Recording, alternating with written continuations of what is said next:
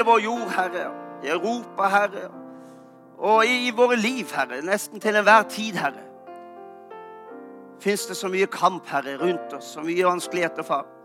Takk for at vi kan stå midt i denne verden, far. I en urolig verden, og allikevel erfare en indre fred, Herre. Som gjør at eh, vi kan kjenne på din fred, din trygghet, midt i det hele. Midt i stormer, Herre, så går det an å erfare at eh, du står fast, Herre. Du er et fast holdepunkt, Jesus. Et fast anker, Herre.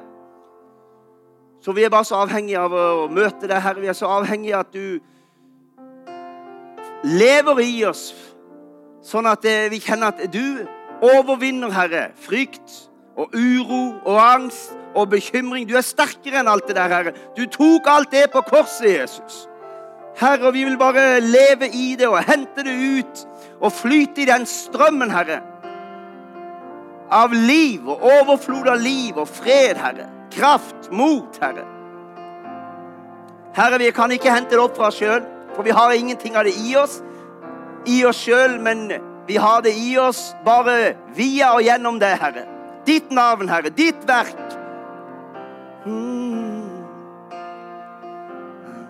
Vi synger jo veldig frimodig der. Alltid skal jeg gi deg. Og det er veldig sterke ord. Og jeg tror at uh, noen kjenner at det kan være vanskelig å ta så sterke ord i sin munn, faktisk.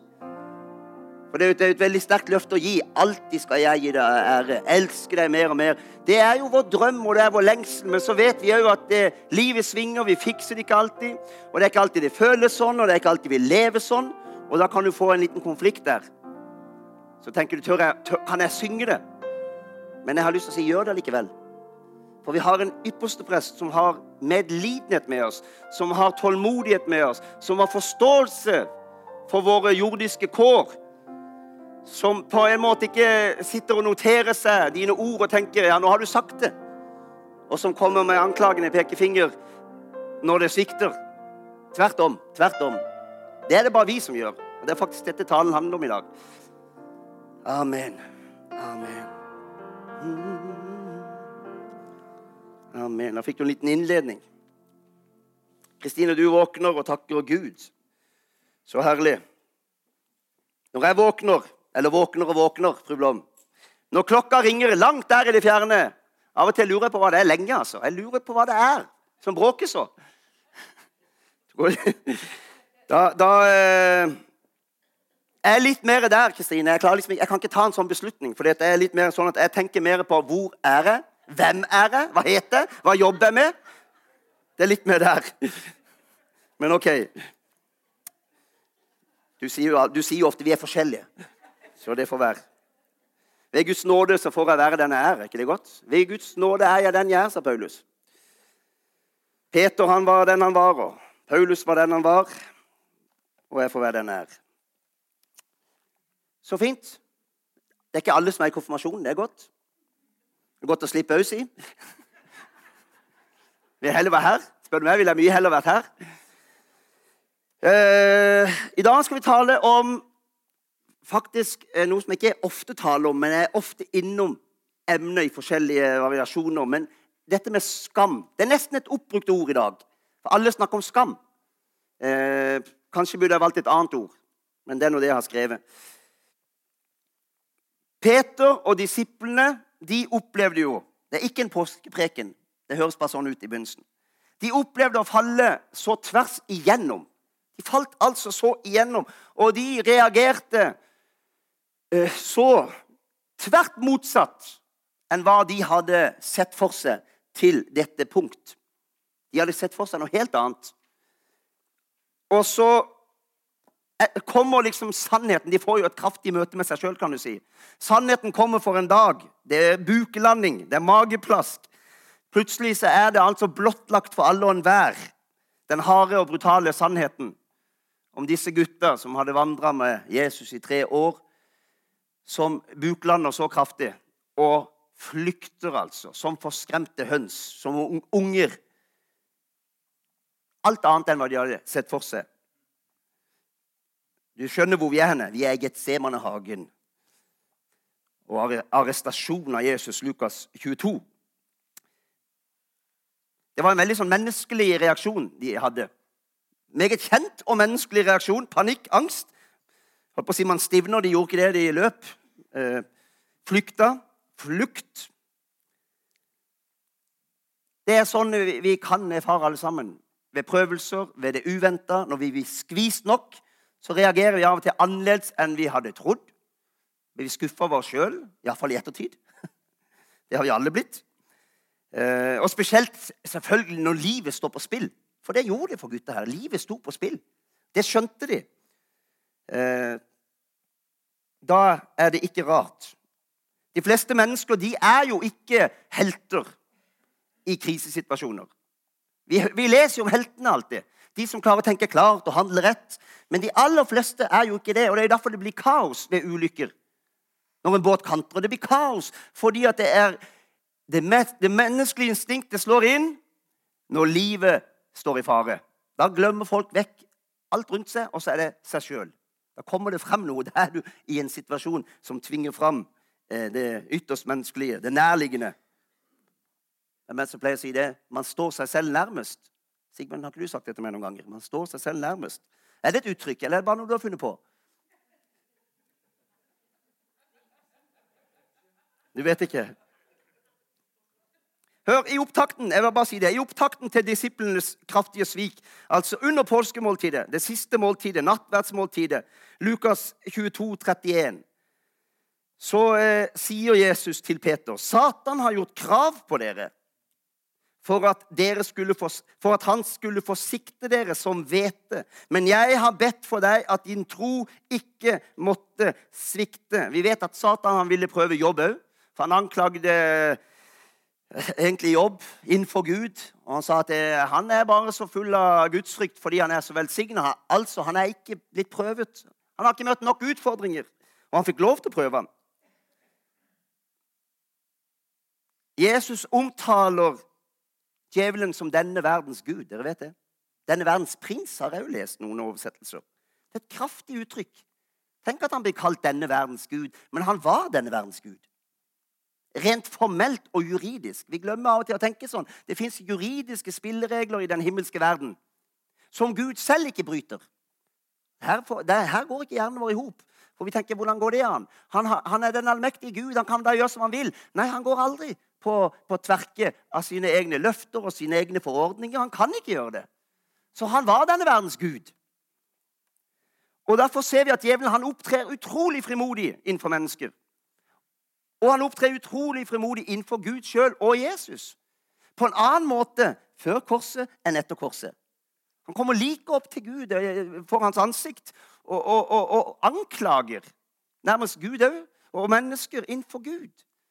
Og Jeg har lyst til å si at det er noe her som tar slutt ganske fort. Men det er interessant. Hvorfor gjør djevelen det? Hvor har han denne frimodigheten fra? Han hadde sin frimodighet fra at han kjente sin posisjon. Han hadde en rang der. Han hadde en plass som han benytta seg av. Men hør, nå kommer det herlige. Etter korset, venner, hva skjer da? Jo, vi går fremdeles gjennom prøvelser. Det skjønner vi alle, det vet vi alle. Men pga. Jesu evige seier på korset og vår tro på Han, ethvert menneskes tro, så er dette ikke noe lenger djevelen kan gjøre i form av posisjon og rett. For han har ikke rett til noen av oss, Roald. Han har mista retten, han har mista inngangen. Råderetten forsvant. Han står bare igjen med lureriet og triksinga og miksinga. Løgnens far, vet du. Han fortsetter jo. Han gir han gir jo aldri opp. Han fortsetter å komme til oss med løgntanker eh, om det ene og det andre. Hvorfor gjør han det? For han vet det at hans eneste inngang nå det er ikke basert på en juridisk rett som han lenger har. Den har han mista. Nå har han bare den makt som han blir gitt av hvert enkelt menneske, også kristne. Blir han gitt makt, så tar han makt. Men han har ingen makt, bare den han blir gitt. Derfor må vi være våkne, faktisk. Også innenfor det emnet som jeg vil snakke litt om. For livet består av mange prøvelser. Mm -hmm.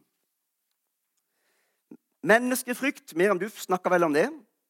Masker, unnvikelse, forestilling. Altså vi forestiller oss overfor hverandre. Ja, også løgn. Det er jo ganske vanlig. Kanskje ikke for å redde livet, som bokstavelig talt, men ikke minst for å redde ansikt, redde ære. Kjenner jo en som er litt redd for å miste ansikt om dagene. Det er villig til å ofre ganske mange mennesker pga. det. Alt handler om noe så banalt som det. Redd for å miste ansikt. Tenk så dypt det sitter i mennesker. Ingen av oss her inne ville jo likt veldig godt om eh, vårt liv i sin blottlagte sannhet. Og da tenker jeg alt du tenker, og alt du føler. Alle dine reaksjonsmønstre all din umodenhet i perioder. Alle dine vanskelige tider hvor du har hatt lite kontroll på ting. Hvis alt skulle bli vist på en eh, storfilm her Ingen av oss hadde likt det. Jeg hadde ikke likt det iallfall. Jeg holdt på å si, Egentlig skulle du kunne sitte og være uanfekta og tenke det er ikke meg, det der. Det er ikke meg dere ser på. Det er det gamle. Det er forbi, liksom. Men vi er ikke det, noen av oss. For vi er mennesker. Vi er ikke det, noen av oss. Alle ville følt ubehagelig. Alle følelsene, alle reaksjonsmønstrene, all umodenheten. Vis på film, Vidar. Du ville ikke likt det, du heller. Du hadde kanskje likt, gått litt bedre for deg enn for meg. Muligens. Vi vil redde ansikt. Vi vil ha æren i behold, så vi ikke må gå skamfulle rundt med bøyd hode. Men hør, har du tenkt på det? Vi vil redde på en måte ansikt og ære. Men, men hvilken ære er det snakk om? For det er jo ikke en ære basert på den egentlige og sanne virkeligheten om oss sjøl, som egentlig bare vi kjenner dypest sett. Det er jo ikke den æren. Det er jo en ære som ikke bærer i seg sannheten veldig ofte. Som vi igjen vil skjule. Det er veldig paradoksalt. Og der kommer konfliktene inn i livene våre. Så kjenner vi òg på at ja, men hvor rett er det, liksom? Så kan man jo leve med litt sånn skam over at men jeg, jeg burde jo levd mer åpent. Jeg burde jo kunne være mer blottlagt med livet mitt. Men så klarer man ikke. Ja, så får man skam bare av det òg. For man kan kjenne seg litt hyklerisk. Er det ingen som har kjent seg hykleriske her? Den som Sønnen får satt fri, han blir virkelig, virkelig fri. Det er frolandsk bibel her. Virkelig fri.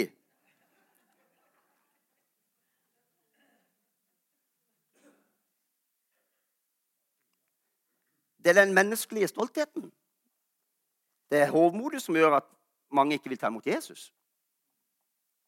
Hvorfor det? For da må de erkjenne hva da? synd og svakhet. Tilkortkommenhet. Og vi liker det jo ikke. Vi liker det ikke. Derfor tror jo ikke jeg at de fleste går rundt og føler seg de vil, de vil, ta vare på æren, på en måte. Vi vil ikke miste ansikt. Men jeg tror ikke at veldig mange går rundt og føler seg veldig ærbare.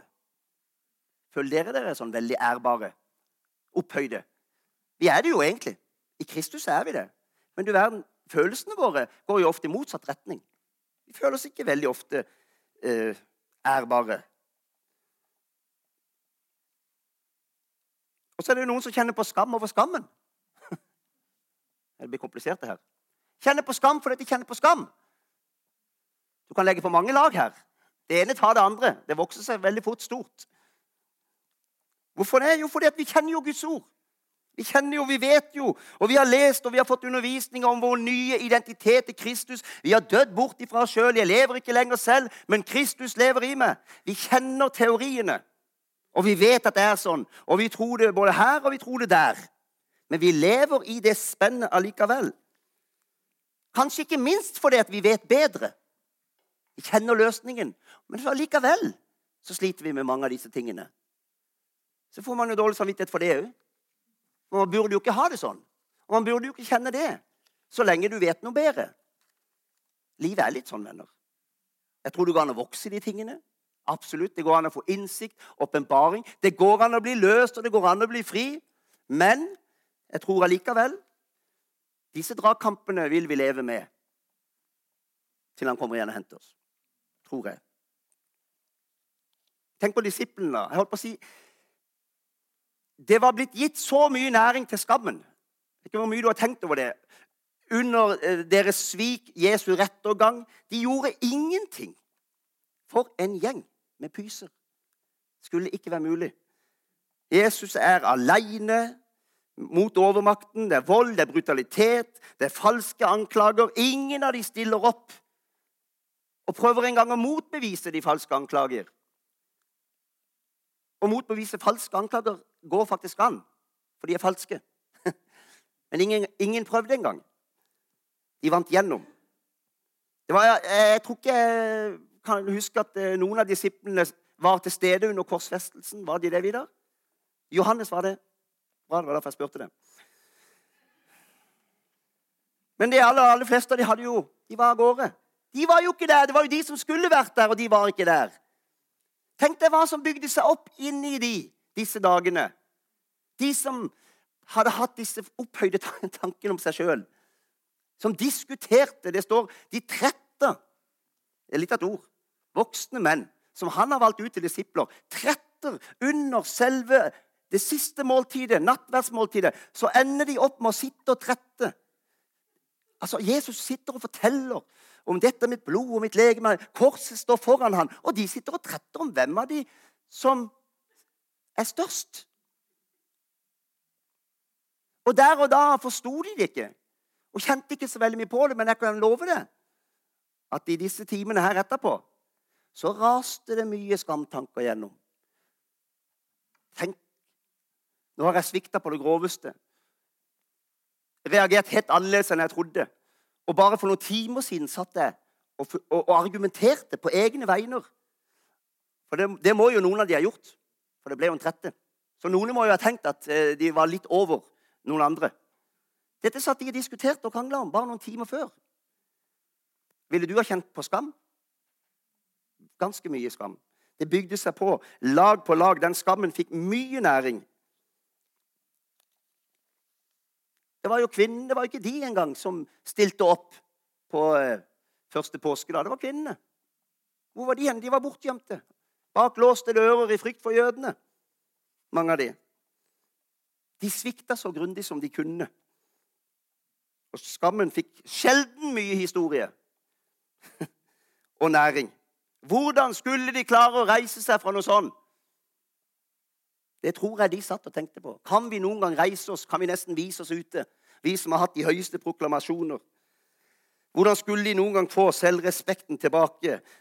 Du kjenner jo historien. Halleluja, den kom tilbake. Det er håp, venner. Virkeligheten den kom brått på dem. Av og til kommer virkeligheten brått på oss òg. Selv om vi lever etter pinsedag, vi har en hellig ånd i oss. Det kommer perioder i livet hvor virkeligheten kommer brått på oss. Og vi agerer og reagerer annerledes enn vi hadde tenkt. Og så må vi deale med det i etterkant. Hvordan skal jeg forholde meg til det? Da tenker du det er bra jeg er her, for nå får jeg vel svaret, da. Det er ikke sikkert. Peter trodde han dvelte ved sine egne ord igjen og igjen. Du vet når ting setter seg fast. Du klarer ikke å bli fri. Så fort du har fullført den samme tanken, så kommer den samme tanken på ny. Det er ganske vanlig når du er pressa. Herre, jeg er klar til å gå både i fengsel og døden sammen med deg, sa han. Sterk proklamasjon fra Peter, som alltid var bråkjekk. Jesus hadde sagt rett før, 'Jeg har bedt for deg at din tro ikke måtte svikte'. Det kan til og med være at det gikk opp for Peter, det vet vi jo ikke da, allerede på dette tidspunktet, at han funderte over Jesus sitt ord der og tenkte Han sa faktisk at han hadde bedt for min tro. At den ikke måtte svikte. Han nevner ingenting om at Peter ikke skulle svikte han. Har du tenkt på det? Det ville vært det mest nærliggende. Jeg har bedt for deg at du ikke skulle svikte meg i nødens stund. Det er jo ikke det han sier. Jeg har bedt for deg at din tro ikke skal svikte. Så selv her innenfor korset Han vet hva som venter han. Selv her så er han genuint opptatt av Peters ve og vel og fremtid. Ikke sviket som kommer. Det er ganske fantastisk, han Jesus. Du kan være stolt over å kjenne han.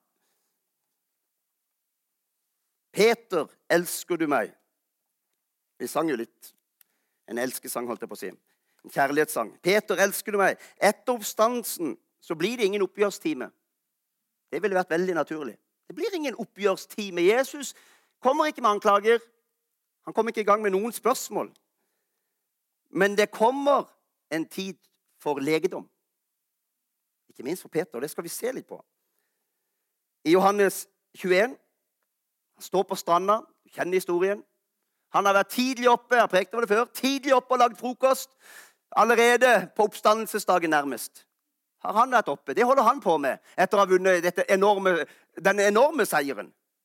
Så er han så nær og allikevel så tålmodig at han er tidlig oppe, pakker med seg niste, noe fisk, tar seg tid til å fyre opp et bål og står og venter på disiplene som kommer hjem fra fiske. Og når du kommer hjem fra fiske, så er ikke det på ettermiddagen. Er ikke det ganske tidlig, William? Det er ganske, ganske tidlig. Han var tidlig oppe, Kristine. Dere er like der. Det er ikke herlig å være lik Jesus. Jeg jobber med saken. Fremdeles uten anklager, uten pekefinger, bare full av omsorg, nåde og gjett hva? Tålmodighet. Eller forakter du hans rikdom på godhet, overbærenhet og tålmodighet? Vi glemmer det ordet tålmodighet av og til. Vi, vi hører veldig ofte at han er overbærende, men han er også tålmodig med oss. Takk Gud for det, altså. Vet du ikke at Guds godhet driver deg til omvendelse? Romerne 2, 4. Han fortsetter å tjene dem selv rett etter sviket. Wow, altså. Vi har noe å se opp til. Når vi, når, når vi snakker om at vi skal se på ham Hvem er han? Troens opphavsmann og fullender, er det ikke det det står? Eller 'Se der, Guds lam', sa Johannes. Så er ikke det bare i forbindelse med å bli frelst, altså. Det må vi ikke glemme. Det er ikke bare i frelsesøyeblikket vi trenger å se på korset. Korset og Jesus Kristus som person og hele hans liv, det må vi ha som ideal og forbilde. For jeg tror det dekker alle livets områder og alt vi kunne møte på. Så kan vi se hva var Jesus sitt vesen. Hvordan var han i sin personlighet? Hvordan møtte han menneskene? Det må leve like sterkt i oss. Så spør han Peter om han elsker han. Og Vi skal se på litt av den dialogen der. For Peter ser ut til å møte på noe litt vanskelig der. Han klarer liksom ikke å gi respons så sterkt som han burde. For det at Jesus, når han spør, så bruker han ordet agape. Det er den sterkeste form for kjærlighet. Det kan virke som Peter, eh, Jesus krever litt vel mye av Peter. Han er jo i den situasjonen han er. Han kjenner så på, antagelig på skammen. Og så er det jo sånn i livet òg at eh, når du sjøl har når du sjøl har svikta, og du har folk rundt deg som er tilnærmet fullkomne og gjør alt rett, og bare møter deg med godhet og kjærlighet, så skjer det òg noe inni oss. Du kan jo føle enda dårligere. Og nesten bedre om de andre òg bomma litt, iallfall. For du føler enda dårligere. For det, kontrasten blir jo så stor. Det er klart, det levde òg i Peter. Her hadde han svikta på det groveste, og så møter han ikke noe annet enn kjærlighet og omsorg og tålmodighet. Altså, Det var så over alle grenser ufortjent. Og jeg har stilt meg spørsmålet Jeg skal ikke si jeg har svaret på det, men jeg kan si det likevel. Var det sånn at Peter var usikker? For han svarer ikke med det ordet agape. Han klarer liksom ikke å ta det ordet i sin munn. Det er som om ordene setter seg fast. Men jeg tror jo ikke at Peter var usikker på om han elska sin mester. Det skjer mye etter eh, pinsedag, altså. Tro meg. Det er en annen tale. Men jeg tror at han elsker sin mester. Jeg tror til og med personlig at når han hevder og proklamerer ut at 'jeg skal gå i både fengsel og døden med det', så mente han det der og da. Det tror jeg. Det tror jeg han gjorde. Men så har det kommet på så mye sår og, og, og skam og nederlagsfølelse at jeg tror kanskje at han tenkte Kanskje hadde lyst til å si det rett ut sånn, men fikk problemer med det. Og Der kommer det med følelse av verdighet inn i bildet. Jeg kan ikke si det nå, liksom. Passer seg nærmest ikke. Her er akkurat svikta på det groveste. Og så skal jeg proklamere agapekjærlighet i sekundet etter. Det blir jo helt feil. Men jeg tror han både hadde lyst, og jeg tror han visste at han elska han så høyt. Men det var noe i det sjeliske som kom i veien. Det gjør det ofte for oss mennesker. Som jeg sa når vi synger sånne sanger, så kan det være vanskelig for noen og enhver av oss. Fordi vi vet litt om oss sjøl. Vi vet hvilke tilbøyelighet vi har. Vi vet på hvilke områder vi svikter. Og så er det liksom sterke proklamasjoner. 'Jeg vil gi deg alt. Jeg lever kun for deg.' Er ikke det en sang? Det er veldig, jeg lever kun for deg. Og så tenker du inni deg ja, lever jeg kun for han? Er det sånn? Eller synger noe som ikke er helt, helt kan stå inne for alltid. Av og til gjør vi det. Og så får vi interne, indre konflikter. For vi vil jo gjerne være redelige og ærlige overfor Herren iallfall. Og så er vi redd for å svikte. Vi er redd for å gå feil. Og fordi vi har gått feil så mange ganger før, vi har stått der og lovt vår troskap og kjærlighet og jeg vet ikke hva innenfor Herren, og så går det to dager, og så går du på en smell. Da skjer det òg noe med det. Da er det veldig lett å miste frimodigheten innenfor Herren. Nettopp av den grunn at du blir så trøtt av å være den som svikter hele tida. Det er jo sånn det. Men jeg har lyst til å si det blir aldri fullt ut balanse her. Det blir aldri fullt ut balanse. Du kommer ikke til å bli så fullkommen som du ønsker og drømmer om. Så du får heller bare begynne å takke Gud da, for at han er fullkommen. Som han trenger å være. Så får du være fullkommen i han. Dette er ikke en nådesforkynnelse som sier at ja, men bare vær sløv og ikke, vær, ikke ta så nøye på ting. Langt derifra. Jeg snakker om tvert motsatt. At nåden må vokse. Åpenbaringen om Guds kjærlighet og nåde må vokse og vokse i vårt liv. Sånn at vi er villige til å leve totalt avhengige av Han. Selv om vi føler oss litt barnlige og små og svake. Når jeg er svak, er jeg sterk, sier Paulus. Og Det ligger noe i dette. Det blir ingen full balanse der. Han er tross alt Gud. Hvis du ikke er klar over det, så er ikke du det. Om du så skulle føle det. Jeg tror ikke mange gjør det. Det sies at menn har større vanskeligheter med å si til sin kone enn de har. 'Jeg elsker deg.' Skal ikke ha noe håndsopprekning. Slapp helt av. Det var veldig fristende. Vi skal ikke gjøre det. Men er det sånn at det betyr at de faktisk ikke elsker sine koner? De som har problemer med å si det? Tror dere? Nei, det tror jeg ikke. Jeg tror ikke det er sånn nødvendigvis. Og nå, nå er jeg litt generaliserende med ham. Vi tar krangelen når vi kommer hjem. Når kvinner med sine ofte større behov enn menn, ja, for å føle seg sett, for å føle seg forstått, for å føle seg hørt, uh, uttrykker dette til sine menn Nå snakker jeg som en mann, da. Jeg motsatt her, da. Så la det være sagt. Og da tenker jeg, Når jeg sier uttrykket, så tenker jeg mer enn én gang. altså. Da tenker jeg helst eh, ganske mange ganger, og kanskje litt vel mange ganger. Eh, så minnes menn på sin tilkortkommenhet. Det er det vi minnes på vår tilkortkommenhet innenfor en del av disse områdene. Og Derfor tror jeg faktisk helt likedan. Det er derfor jeg sier det. Det fins noen paralleller. Helt likedan så vil en del menn få problemer med å si at de elsker. Fordi de vet at de strekker ikke til på en del områder. For de, de, vi er jo sånne rasjonalister. Eh, vår kjærlighet må jo på en måte bevises. Det må jo være mer enn ord. Det hjelper ikke bare å si ord. Det må jo på en måte være noe substans i det. Man må jo evne å møte det sånn som man blir fortalt, men som man ikke klarer. Så mister man frimodigheten på å si at man elsker. Men at man elsker, det kan jeg være sikker på at mange gjør allikevel om de aldri får sagt det. Nå lærer dere mye godt her, kvinner. Håper dere skriver ned nå. Jeg har sagt det til han tusen ganger. Jeg syns jeg har hørt det noen ganger i mitt liv. Han bryr seg bare ikke. Han prøver ikke engang. Jo, han prøver veldig ofte. Han får det bare ikke til, stakkar mann. Ja, Men kan han ikke i det minste si at han elsker meg, da? Det må jo bety at han ikke gjør det. Mannen vil gjerne. Men evige påminnelser, det fører ofte bare til tilbaketrekning, til motsatt effekt, til resignasjon. Og så framstår jo det veldig egoistisk igjen. For når man ikke deler følelser og ikke forteller hva som er der inne, og grunnene til ting, så sitter jo en kvinne og kikker på mannen sin og tenker han bryr seg katta. Han er bare opptatt av seg sjøl. Nei, han trenger ikke være opptatt av seg sjøl. Det fins noe her inne som er uforløst. Vi tar med oss mye av det her inne i gudslivet vårt. vet dere det? Dessverre. Vi tar det ofte med. Det blir noe av det samme innenfor Gud. Når vi føler vi ikke strekker til, eller at vi faller, eller føler oss utilstrekkelige, så holder vi gjerne avstand til Gud. Hvorfor gjør vi det?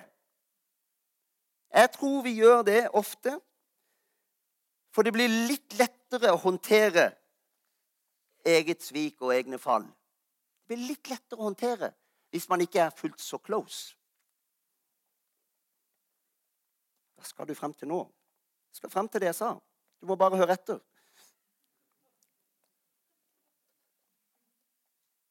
Peter, elsker du meg? Han spør Peter like mange ganger som han svikta, altså tre ganger. Så Jesus var jo på en måte litt eh, Nei, nå må jeg være forsiktig. Han var litt masete, han òg, akkurat der. Sånn sett med veldig fort over. Men vi skal se, han var ikke det. Peter får gjøre opp på dette viset. Det er mesterlig, det som skjer her. Bruk litt tid i disse versene, for det ligger mer i teksten her. Han bruker først ordet agape. Eh, men så skal vi se. Siste gangen, når han spør for tredje gang, så bruker han ikke ordet agape. Da bruker han ordet filio. Stemmer det, Vidar? Ja. Filio, hva betyr det? Det er mye mildere ord. Det betyr ha kjær. Og så kan du si hvorfor eh, gikk Jesus ned på standarden? Nummer én Jesus spør ikke Peter for at eh, hvor, hvor, sterkt han klarer å elske, skulle være et kriterium for å bli elska tilbake. Han spør ikke engang for sin egen del. Han spør det til legedom for Peter. Og Jeg syns det er veldig fantastisk å se hvor raus Jesus er, hvor tålmodig han er. Fordi han møter Peter der hvor Peter er i øyeblikket. Han har forståelse for kampene som raser. Han vet det kommer en annen tid med Den hellige ånd innplanta, og ting snur og ting blir annerledes. Men han møter han der han er, uten krav, uten press, uten forventning eh, til å kunne gi mer enn det han kunne akkurat der og da. Han skjønte at han, han var trygg på at Peter antagelig elsket han. Han viste grunnene til at han ikke kunne få sagt det. Tenk å være gift med han, da. Du er jo det. Nei, tenk etter. Det kan det bli så galt da? Det er jo herlig. Jeg syns det er veldig fint. Får du med deg noe av dette? Det sier noe om vår Gud. Det fins noe, noe, likt her. Det må jo komme et svar snart. Det, det merker jeg jo. Hvordan kommer vi dit? Den komplette hengivenheten tror jeg mange syns er litt vanskelig. Ikke fordi du først og fremst er utrygg på Guds kjærlighet. Jeg tror ikke Peter var utrygg på Jesu kjærlighet. Jeg tror ikke han tenkte at ja, det, dette er et krav nå. Hvis ikke jeg klarer å prestere og elske Jesus agapemessig, ja, så kan ikke han elske meg igjen. Det tror jeg ikke. Vi ser det eh, seinere, så skjønner vi at Peter han ble fullkomment fri fra disse tingene. For gjennom eh, Skriften seinere bruker han eh, agape-ordet ni ganger så han ble forløst til å kunne si det. Du mann her inne, du kan bli forløst til å si 'Jeg elsker deg, min vakre kone'. Om jeg er aldri så klein til å møte deg, så elsker jeg deg likevel. For det kjærlighet er ikke på Hva heter det for noe? Er ikke på grunn av. Det er ofte på tross av. Og det er vanskelig. Det er kjempevanskelig. På egne vegne er det veldig ofte vanskelig. Er du på den andre sida at du kjenner mer på krav og forventninger enn nåde og kjærlighet, så blir det fort også litt avstand. Det er akkurat samme mekanismen som slår inn. Da toner du det hele litt ned. For da blir ikke fallhøyden fullt så stor når du svikter. Vi blir trøtte av å møte oss sjøl, gjør vi ikke det? Derfor må vi ha rett gudsbilde. Vi må ha rett plassering. Hvor er han, og hvor er vi? Hvem er det som er herre? Hvem er det som, Hvor er min styrke? Det er ikke meg. Hva er denne trangen etter å på en måte nesten være fullkommen i meg sjøl? Det er stolthet. Vi vil klare oss sjøl, vi vil fikse det sjøl. Men han har fiksa det, og han klarte det. Og det er det, det er det fundamentet vi kan leve på. Alt annet blir kaos, knuter, sår, bitterhet, egen strev. Selvstrev kaller vi det kanskje. Det fins altså en vei. Den er aldri å holde avstand i frykt for å svikte den. Det er tvert motsatt. Da kommer du til å leve i det resten av ditt liv. Du kommer ikke til å bli forløst inn i en fullkommen glede og en fullkommen frihet. Sånn at du leser det ordet at 'den som Sønnen får kjøpt fri, han blir virkelig fri', og sier ja, amen. Det betyr ikke at kampen er borte, men det betyr at har, noe har blitt åpenbart. Så om de gamle følelsene kommer, og du blir trøtt og lei, og du holder litt avstand, så har du skjønt noe. Du har lært noe. For du har sett noe av hans vesen og hans kjærlighet og hans nåde, så du forter deg skyndt til, uh, forter deg skyndt. Du skynder deg fort tilbake.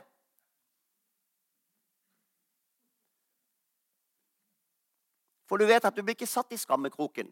Tvert om, du blir omfavna. Og det er greit. Det er ikke greit at du faller. Det skal ikke brukes som et påskudd. Men det er tilgivelse når vi faller. Jeg hadde en kamerat som sleit veldig mye i ungdomsårene. Går greit med han nå? Og Hver gang jeg henter han enten i fyllearresten eller andre lignende steder, alltid med omsorg, aldri anklagende, så var alltid hans første ord 'Jeg sa jo det kom til å gå galt'. altså, du trenger ikke forvente noe av meg. Det blir også noe av det samme. Man distanserer seg. Det kommer til å gå galt uansett. Så da skuffer jeg kanskje litt mindre, da, hvis det ikke er så close.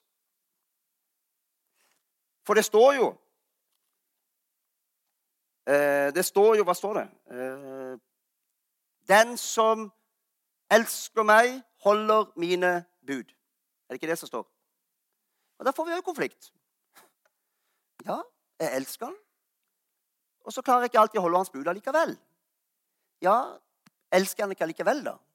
Får vi konflikt. Livet er jo komplisert. Følelser er komplisert. Guds liv kan også være ganske komplisert, venner. Men det fins en vei inn i frihet. Jeg holdt på å si 'ikke vær så hard mot deg sjøl'. Hvordan å si det? Ikke vær så hard mot deg selv. La heller Kristi kjærlighet og Guds nåde og tålmodighet få komme rikt over deg. Da tenker fort noen at ja, skal vi bli sløve? Nei, langt derifra. Det er da du ikke blir sløv. Hvorfor blir du ikke sløv da? For du kommer så nær. Da koster det mer.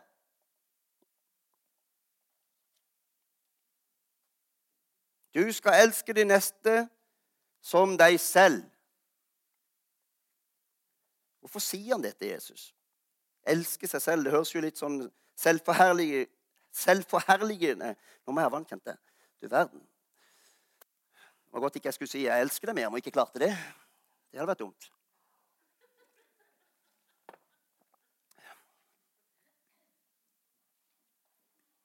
Det handler faktisk at når du blir en frelst, så handler mye av livet også om å bli forsont med seg sjøl. Seg selv, vet du hvem det er, da? For, for, å si det rent teologisk. Du vet godt hvem det er, Roald. Hvem er seg selv nå, da? Seg selv er faktisk Kristus. Når du har blitt frelst, så er mye av deg selv det er Kristus. Tror du Kristus sliter med indre kamper og skam? Da ler du litt, for du tenker nei, det gjør han jo selvfølgelig ikke. Han hadde vel ingen grunn til det. Men kom på at i hagen så var han i så eh, Det står jo til med angst. Svetta blod. Han ber faktisk sin far om å få slippe et øyeblikk der. Det er veldig spesielt. Dette har vært planlagt i ualminnelig tid. Han kom for den hensikt. Og når øyeblikket er der, så er han så pressa fordi han også var et menneske, at han faktisk i et øyeblikk ber om å få slippe. Hva hadde skjedd om, Jesus, nei, om Gud sa greit? Han hadde ikke sagt det da. Kunne ikke Jesus ha tatt det med seg videre? Kjent på skam for det? Han ble aldri utrygg på sin fars kjærlighet. Han er det ikke den dag i dag heller, for han kjenner sin far. Handler mye om å forsone seg med seg sjøl. Bli forsont med fars kjærlighet. Det handler om å se seg sjøl i Kristus først og fremst. Klarer du det? Det er mye av det det handler om. Vekst i åndelig liv handler Vi sier ofte det handler om å bli lik Jesus. Ja, det gjør det jo. Det er helliggjørelsen. Men det kan jo veldig fort bli på menneskelige premisser og menneskelig strev. Men det handler om å se seg sjøl i Kristus mer enn du ser deg sjøl gjennom filteret av grums og graps. Så da må du bruke litt tid, da, så må du faktisk finne ut hvilket filter er det jeg lever gjennom. Har du tenkt på det? Skriv det opp, ta det med deg hjem. Hva er det som preger meg når jeg tenker på meg sjøl? Hva er det som preger meg når jeg går opp og ned i, i, svingninger? Hva er det som preger meg når jeg eh, stadig føler at jeg blir urasjonell eller umoden? Noe er det, skjønner du. Veldig ofte så er det fordi at vi lever ut ifra gamle Adam. Det er det som preger vår identitet fremdeles. Vi tror at det er den jeg er. Men du er i Kristus. Det betyr at vi må bruke tilsvarende tid på den andre sida. Sånn at den andre sida der kan begynne å få innflytelse på våre egne tanker om oss sjøl. Jeg skal preke på Betel klokka syv, så jeg må forte meg. Vi ser at Peter blir fri. Han nevner det aldri igjen. Det, han bærer ikke preg av skam og mindreverd i skriftene sine i det hele tatt. Han ble satt fri. Han hadde virkelig opparbeida seg mye grunn for skam. Men noe fikk han se som satte han fri fra det. Han skjønte styrkeforholdet. Herren er i går og i dag og til evig tid den samme, er han ikke? Du prekte jo veldig flott Kristine, på konfirmasjonstalen. Om dette som står fast. Hos ham er det ingen skiftende skygge. Vi opplever jo det. Det er litt skiftende skygger. Det er varierende følelser av styrke og kraftløshet, mot, motløshet, glede, sorg. Salme 23, David. Kom ikke i hu min ungdoms synder og mine overtredelser. Jeg har en følelse av at vi evner, de fleste av oss, iallfall meg, fordi vi har smakt og kjent at han er god. Vi har erfart han, vi vet han er god. Det står i Skriften, og vi tror på Skriften. Så er det akkurat som Iallfall for meg, da, for å være helt personlig. Veldig ofte er det sånn hvis det, man har behov for å be om tilgivelse for noe, så er jeg veldig sjelden i tvil om han har tilgitt meg. Det sliter jeg ikke med. Det kan det være noen som gjør. Men jeg tror det egentlig ikke er det vanskeligste for oss. Å tro at han har tilgitt, at han har glemt, at han ikke kommer mer i hu. Så det er ikke problemet. Problemet er oss sjøl. Det er jo vi som ikke glemmer. Det er vi som tar det med videre. Der ligger problemet. Så er det åndelig, da, å preke Jeg håper ikke sjeliske taler, men å preke ut ifra hva som rører seg i mennesket. Ja, det er det. For det fins noen ting her som eh, man kan bli løst ifra. Det fins noen ting å få åpenbart. Det fins noen ting å få plassert på riktig plass. Så de riktige tingene kan innflyte, få innflytelse over de tingene som holder oss igjen og binder oss.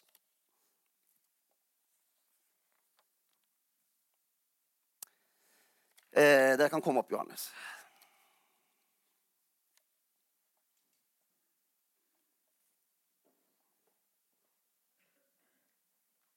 Hvorfor sa jeg det? Hvordan kunne jeg bli så ute av meg? Hvorfor takla jeg ikke det bedre? Hvorfor holdt jeg ikke bedre fast på det jeg visste var rett? Hvorfor klarte jeg ikke la være å bli såra og reagerte så umoden tilbake? Vi holder vår historie mot oss selv. Da er vi tilbake til begynnelsen. Djevelen får bare den makt han blir gitt. Dette er djevelens løgntanker, som han har mista alle rettigheter til å holde mot oss. Men han fortsetter å gjøre det. Og han er god på det.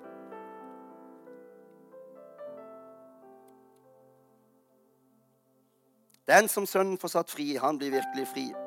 Jeg er den som utsletter dine misgjerninger for min skyld. Og dine synder kom jeg ikke i hu. Jesaja 43. Om deres synder er som purpur, skal de bli hvite som snø. Jesaja 11, 18. Bibelen bruker så sterke ord for hvordan Gud forholder seg til det tilgitte. Det er utsletta, det er glemt, det er tatt bort, det er visket bort. Det er veldig sterke ord. Det levner ingen tvil. Men vi sliter. Kanskje ikke på Guds vegne, men på våre egne vegner.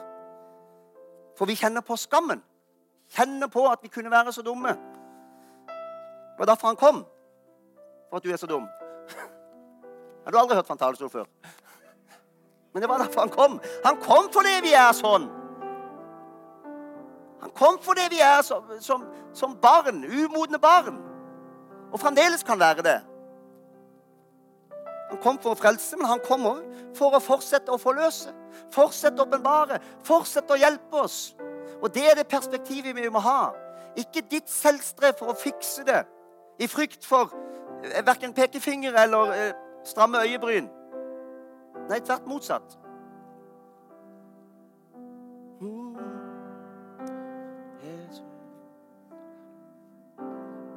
Når, når, når, Jesus modererte seg og egentlig møtte Peter der han var, og sa 'Har du meg kjær istedenfor elsker du meg?' Altså, han krev, Tilsynelatende krevde han mindre. Det var ikke det han gjorde. Han er bare mesteren. Psykologen over alle psykologer. Hadde vi mennesker gjort det, så blir det jo ofte så, Da løfter man på øyebrynene så sier man Ja, men hvis ikke du får det svaret du vil ha Ja, men er du, er du glad i meg, i det minste, da? Ville man sagt da. Det, det er litt naturlig menneskelig. Men det var ikke det han gjorde. Det var ikke derfor han sa det. Verken for å mase eller kreve. Han var terapeutisk. Han visste hva Peter trengte, han visste hva som bodde i han. Han vet hva du trenger. Han vet hvorfor du har det som du har det. Han vet hvorfor de og de områdene er vanskelig i ditt liv. Og han vet også hvordan han kan kjøpe deg fri. Sette deg fri. Og ofte må du bruke litt tid, da. Ikke grave deg ned. Ikke bli selvmedlidende, men søke sannheten. Dypt og inderlig. Det koster noe. Da kan du få møte med deg sjøl, som gutta fikk her. For de hadde en annen forestilling om seg sjøl før de svikta på det groveste. Da kan du møte deg sjøl, og det kan bli ubehagelig. Det, det kan bli litt blottleggende. På egne vegne òg. Det er fristende å la være. Det er veldig fristende å hoppe bukk over det, fortrenge det, holde det borte, fokusere på noe annet. Men det er ingen forløsningens vei. Erkjennelse er forløsningens vei. Det er forløsningens vei til frelse òg. Det er ingen frelse uten erkjennelse. Både på synd og på svakhet og til kortkommenhet. Og der lever vi egentlig i stor grad hele livet. Det er vekstprinsippene våre.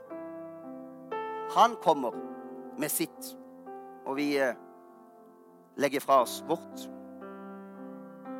Vi synger litt. Nå har dere sittet så lenge. Reis dere opp, da vel.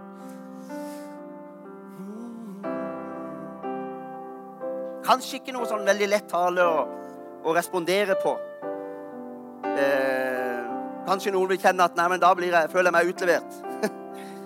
eh, det trenger du ikke tenke på. Vi er venner, vi er familie. Eh, vi har alle våre knuter, vi har alle våre sår fra det ene eller fra det andre. Det er alltid noe som trenger å bli forløst, venner. Det er alltid noe som trenger å bli lekt. For livet, det presser seg på oss. Synden klamrer seg på står det. Eh, vi blir pressa alle sammen. Derfor er det noe vi lever i.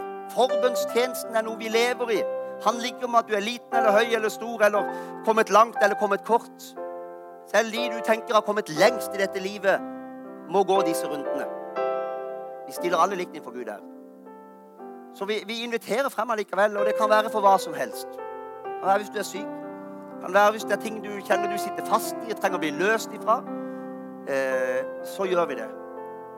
Opplevd mange ganger sjøl at visse områder kan Herren forløse. Og alle områder. Men jeg har opplevd at noen områder har blitt forløst, om ikke alle. Og da fortsetter vi, da. Amen. Vær så god.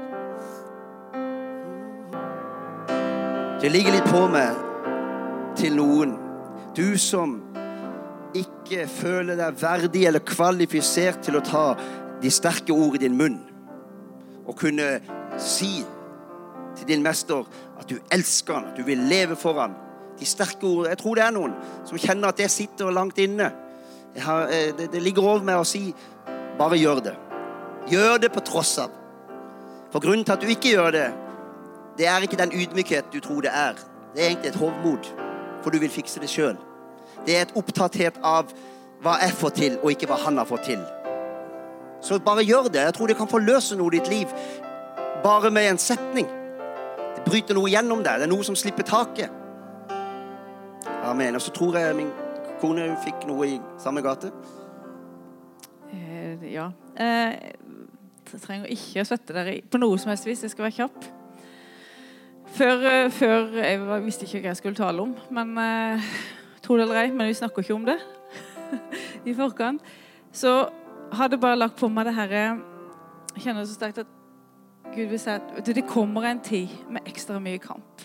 Og Jo mer vi som menighet reiser oss, jo mer du reiser deg, jo nærere du ønsker å leve Jesus, og jo sterkere du kan kjenne han, jo mer så vil du faktisk oppleve motstand i det menneskelige. Det er helt naturlig. Djevelen er så redd. Og han vil sende alt han kan av brennende piler. Han vil angripe deg på dine svakheter. Han prøver å ta fra deg frimodigheten din. Og så opplever du at Gud han vil si til deg at det er en løsning, og det er Jesu navn. Rop ut Jesu navn, tal Jesu navn ut over din familie. Over ditt liv, over de områdene i ditt liv som du er svak på, som djevelen kjenner det veldig godt til, for han har sett det. Rop Jesu navn over ditt sinn, over ditt hjerte. Fordi vi vet at det, i hans nærvær, i hans navn, så er det fred. Det er frihet. Jesu navn over hver eneste mørk avhengighet. Og så roper du Jesu navn helt til det må bøye seg. For det må bøye seg. Jesu navn. I hans navn så er det håp, det er frihet. Det er det eneste navnet som det er frihet i. Det eneste løsningen for oss er Jesu navn. I Jesu navn er det kraft, det er helbredelse. I Jesu navn er det liv. Jesu navn det bryter hvert festningsverk. Hvor mange her har opplevd det? Jeg vet at det gjør det. Jeg husker jeg satt i bilen jeg har kanskje fortalt det før. Jeg skulle hente Noah i Grimstad. Og Jeg hadde akkurat hatt denne kulen i brystet og jeg hadde nakkeforlapsen. Så kjente jeg vet du hva, jeg ble så sinna på djevelen at jeg holdt på å eksplodere. Og jeg satt og brølte Jesu navn i bilen utover mitt liv. Og jeg er sikker på Hadde folk sett meg, så hadde de trodd jeg var gal. Men jeg kjente at den der autoriteten i Jesu navn bare kom over meg. Og vet du hva? Det slapp. Jeg hadde mista 40% styrke i venstrearmen min. Den er vekk, altså. Fordi at Jesu navn er over alle andre navn. Det er det eneste som funker. Ikke mine forsøk på å prøve å være god og bra, for det er jeg ikke. Kommer aldri til å være god nok, og det er greit, fordi at han er god nok. Jesu navn er større enn dine omstendigheter. Det er større enn dine sykdommer. Over dine fall er det større enn. Det er større enn din avhengighet. Det er større enn alt som du sliter med. For Jesu navn, som er over alle navn, skal ethvert navn bøye seg. Amen.